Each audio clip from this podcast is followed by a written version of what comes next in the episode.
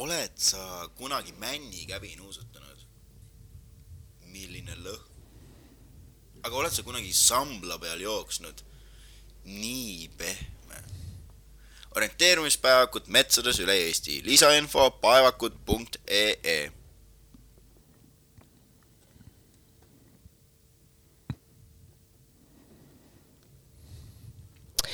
tere tulemast kuulama podcasti Trenni jutud, mina olen Maris Järva ja selles podcastis räägime tervislikust eluviisist, mida sporti harrastav inimene teadma peaks ja eriti tore, kui saaks ka midagi uut teada ja tänases saates teeme juttu orienteerumisest. ja minu vestluspartneriteks on Mait Tõnisson, kes on orienteerumisklubi Don peakorraldaja ja EOL-i päevakute koordinaator ja Mati Poom, Don klubi esimees ja Meelis Atonen, rohkem siis emotsioonide peal, orienteeruja, tere tulemast! Tere! tere! alustaks kohegi äh, pisut ajaloost, äh, Mati, et kuidas see klubi tegevusena orienteerumine üldse alguse on saanud? Eesti orienteerumisklubid said alguse, see esimene oli tuhande üheksasaja seitsmekümne kaheksandal aastal ja, ja ega neid nii väga riburada ei järgnenud.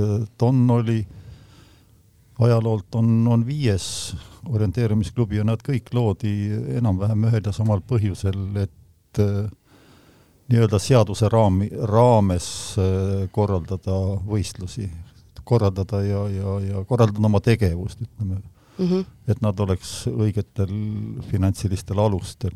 ja Don, äh, orienteerumisklubi Don loodi äh, tuhande üheksasaja kaheksakümne neljandal aastal. nii et päris pika ajalooga siis, kolmkümmend kaheksa aastat tegutsemist juba? kolmekümne kaheksas tegutsemisaasta on jah, orienteerumisklubi Donil, see, see lühend TON tähend-, tähendabki Tallinna orienteerumisneljapäevad ja TON loodigi selleks, et juba selleks ajaks no orienteerumisneljapäevakud algasid tuhande üheksasaja kuuekümne neljandal aastal ja, ja juba kakskümmend aastat, kakskümmend üks aastat tagasi alanud orienteerumispäevakuid siis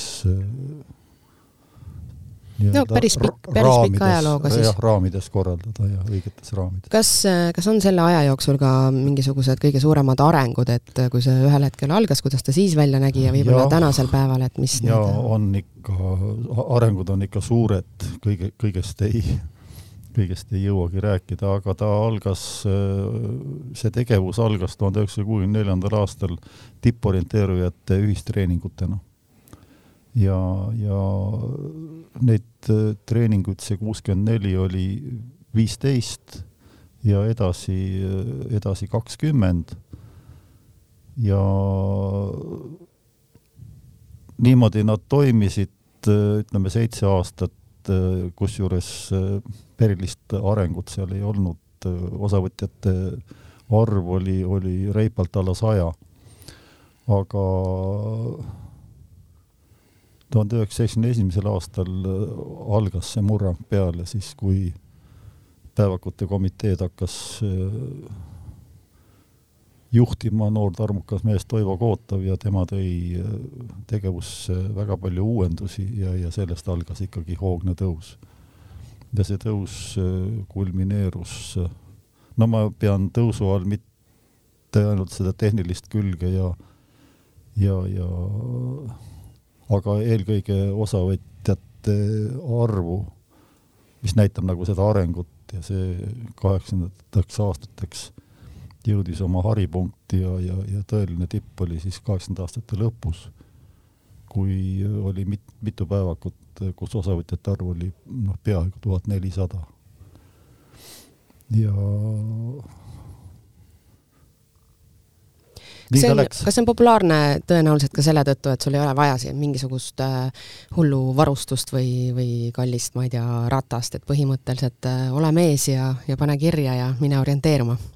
noh, varustuse roll on ikka, tal on oma, oma osa on, aga ja, ja ma, ma ise arvan seda, et mida parem see varustus on, seda vabam su tunne endal mm. on ja ega ta on kõikidel spordialadel niimoodi, nii et nojah, mugav, mugav riietus, et siin on ka omad nüansid jah, aga et ots-, otseselt sul ei ole vaja mingit väga suurt väljaminekut äh, eriti teha. Olul, eriti olulised on jalanõud muidugi ja, ja noh, lõpuks, kes äh, orienteerumise juurde jääb, see lõpuks hakkab ise seda taipama, kui suur osa on nendel jalanõudel ja kui suur osa on, roll on vett hülgaval riietusel mm. -hmm aga öeldakse, et osadel inimestel eh, on see orienteerumisgeen ja, ja osadel seda ei ole, et mul on endal üks sõber, kelle puhul ma võin öelda, et tal ei ole, et näiteks ta võib võtta kaardi tagurpidi kätte ja, ja ta ise veel raiub, et ei, ei, et ta, tal on olukord kontrolli all.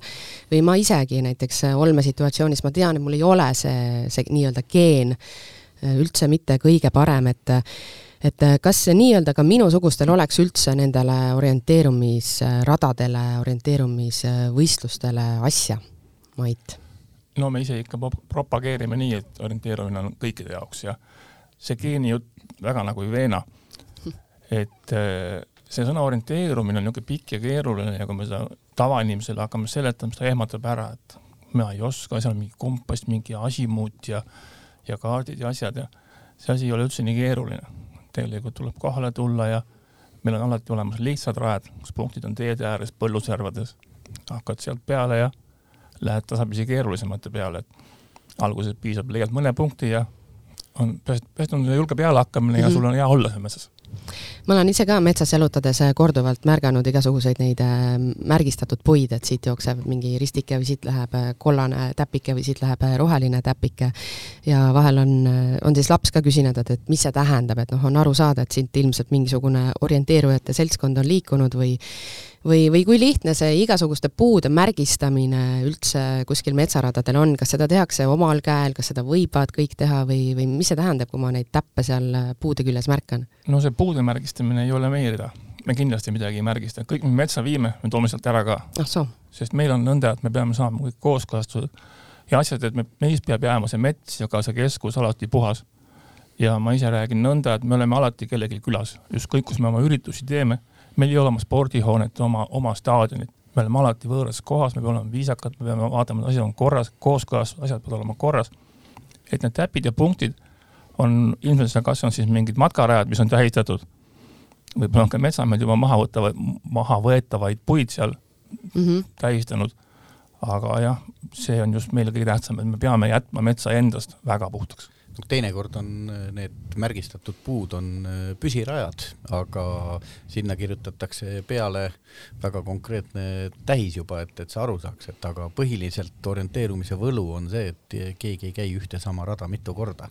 et igaks võistluseks või igaks ürituseks tehakse uus rada ja mis siis, et võib-olla maastik kordub, sa satud, ma ei tea, Nõmme metsa, aga rajameister korraldab jälle uutmoodi raja mahapanemise ja see tähendab seda, et inimesele, kes võib-olla on seal Nõmmel jalutanud või trenni teinud kümneid kordi, ta avastab jälle, et opa, selline võimalus on ka ja siit on ka võimalik minna, et selles mõttes orienteerumine on ikka iga kord uus aga millised need äh, tingmärgid on siis, et näiteks ma hakkan pihta selle orienteerumisega, et äh, noh, ma saan aru, et siin saab kindlasti hästi süvitsi minna ja, ja te teate sellest nagu väga-väga palju, aga mis sellised mingid lihtsamad äh, asjad on, et mis te siis sinna metsa nii-öelda viite, mis te sealt pärast ära koristate?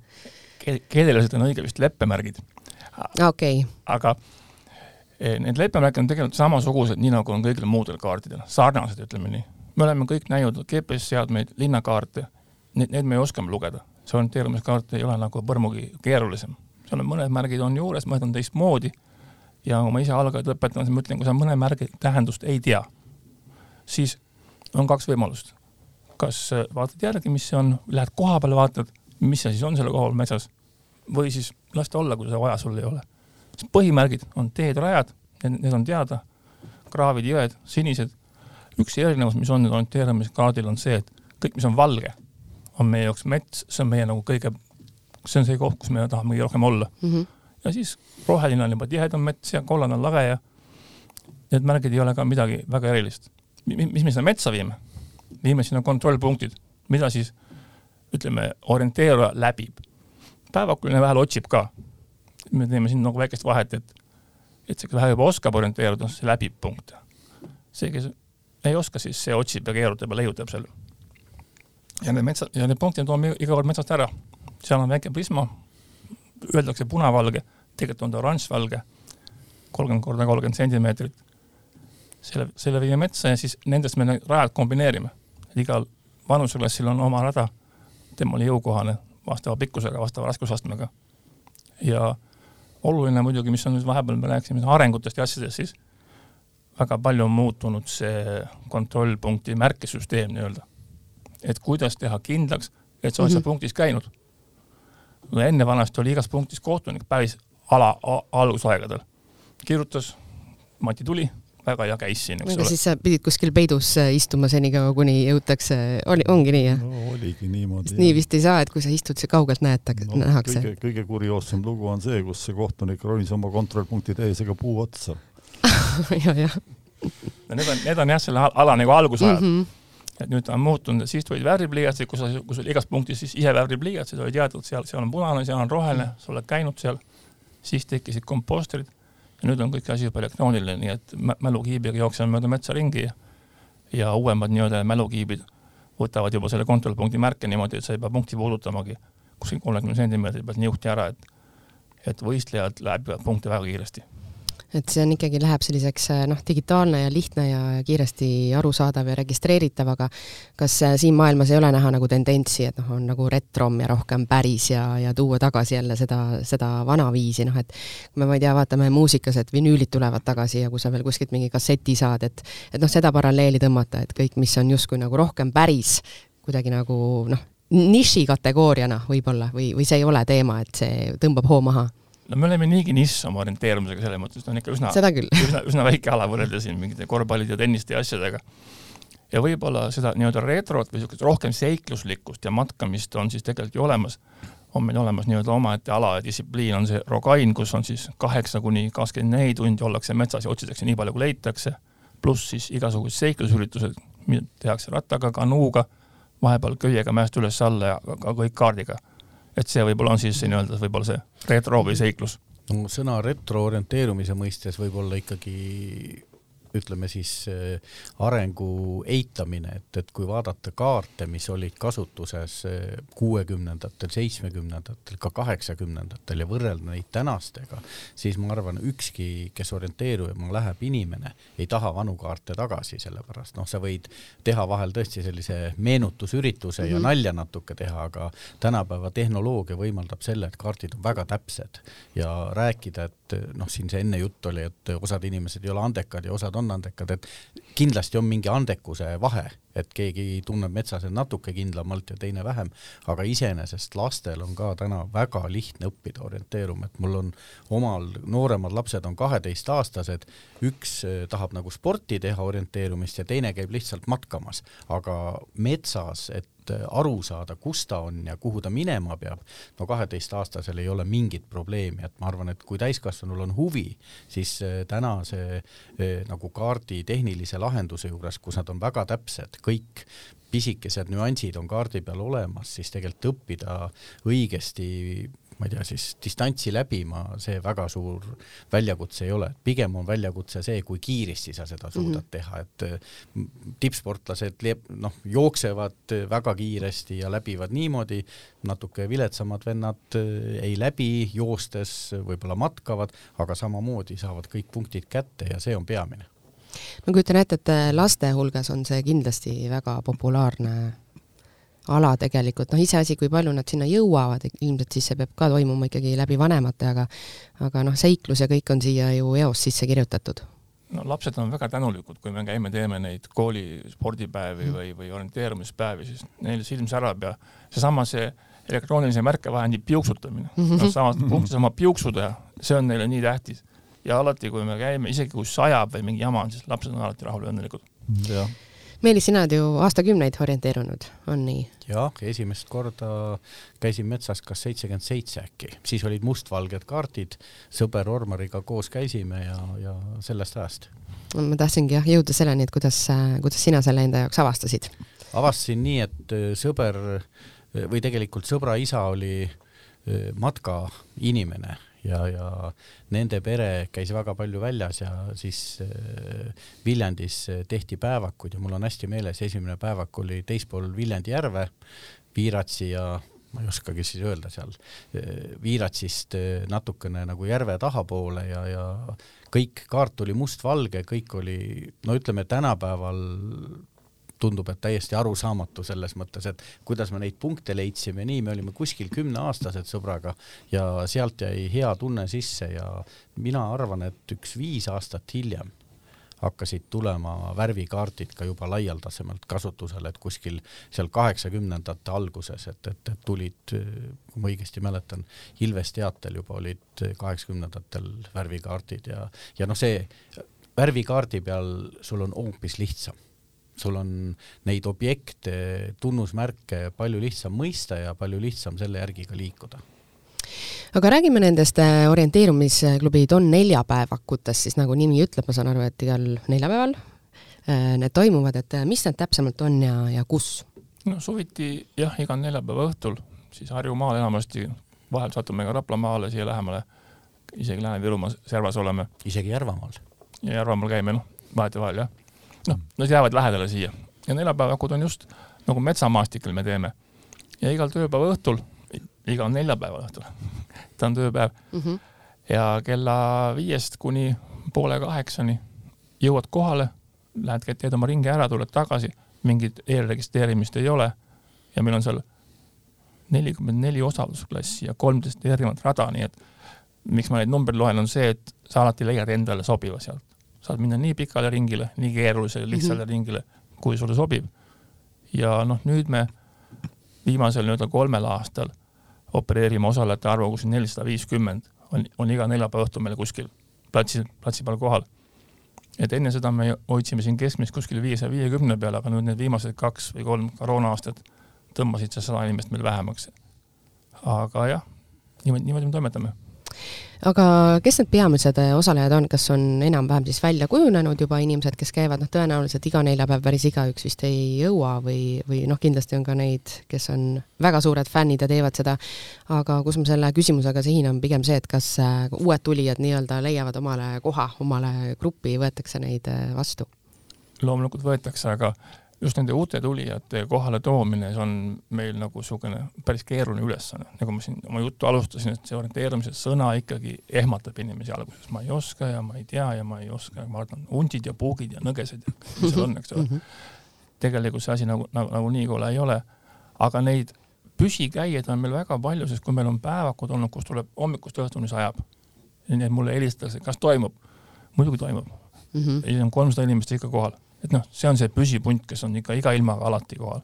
ja lõpu, lõpus on veel kindlasti lõbusam, et mida, mida porisem ja märjem sa oled no kui ikka väga külm ja märg on, siis no jah. alati ei olegi nii lõbus aga mina võin siin öelda, et tegelikult uh, uusi inimesi on võimalik leida ja mina ise alles siin paar aastat tagasi ühte oma klassivenda, noh, me oleme viiekümne viiesed, hakkasin, no siis me olime natuke nooremad, nüüd oleme viiskümmend viis ja, ja hakkasin teda meelitama oma kodu juures, käisin muidu koos jooksmas, aga ma elan Tallinnast natuke väljas, nii et metsad on ümberringi ja ütlesin seal Raudalu kandis, et ärme täna jooksma lähe, et võtame kaardi ja liigume kaardiga ja, ja tänaseks oleme temaga jõudnud nii kaugele, et eh, paar nädalat tagasi ostis ta Mati juurest uued jalanõud endale, juba orienteerumisjalanõud ja, ja ta saab täiesti ise kaardiga metsas hakkama ja paari, paariaastane tegevus, et selles mõttes jah, see hirm on suurem kui tegelikkus, et, et need rajad on väga erinevad, et sa võid võtta lihtsama, võid keerulisema ja tegelikult saab metsas igaüks hakkama, et see ei ole nii ohtlik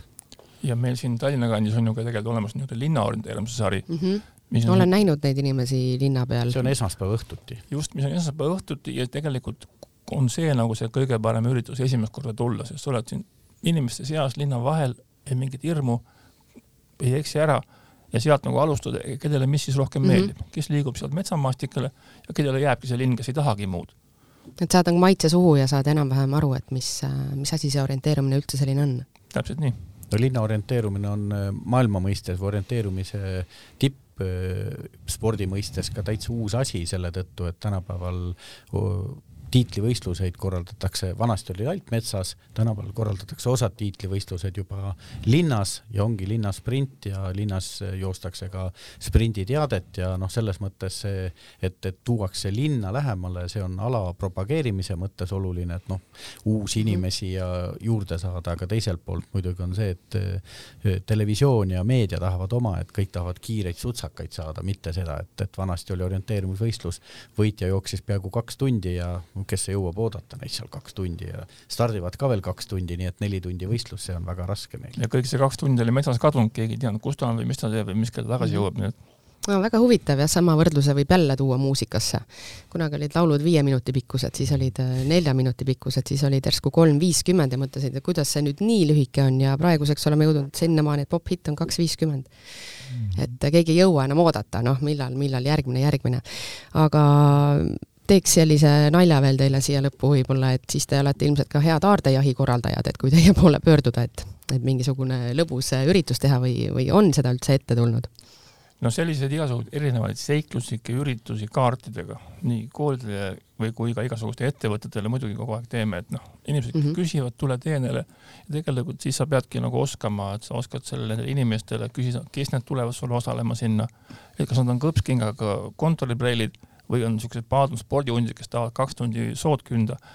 et aga niisuguseid üritusi me teeme palju, jah mina näiteks võin öelda, et järgmisel nädalavahetusel laste sünnipäeval on meil juba traditsiooniliselt väike orienteerumine oma kodukülas kavas, kõik külalised läbivad paarikilomeetrise distantsi, mõnda tuleb seal poole tunni või tunni pärast otsima minna, aga kõik jooksevad lõpuks läbi mm. -hmm no väga lahe, aga siis need orienteerumisklubid on neljapäevakud igal neljapäeval ja don.ee on veebiaadress, kus saab juba kõigest täpsemalt teada, kuupäevi, kellaaegu ja nii edasi aitäh teile täna rääkimast nendel äh, teemadel äh, ja edu teile või, või mis öeldakse, kui metsa lähed, et äh, mis see on? ütlevad ookas päkka. ookas päkka, teeme nii. oled sa kunagi männikäbi nuusutanud? Milline lõhn. aga oled sa kunagi sambla peal jooksnud? nii pehme orienteerumispäevakud metsades üle Eesti, lisainfo paevakud.ee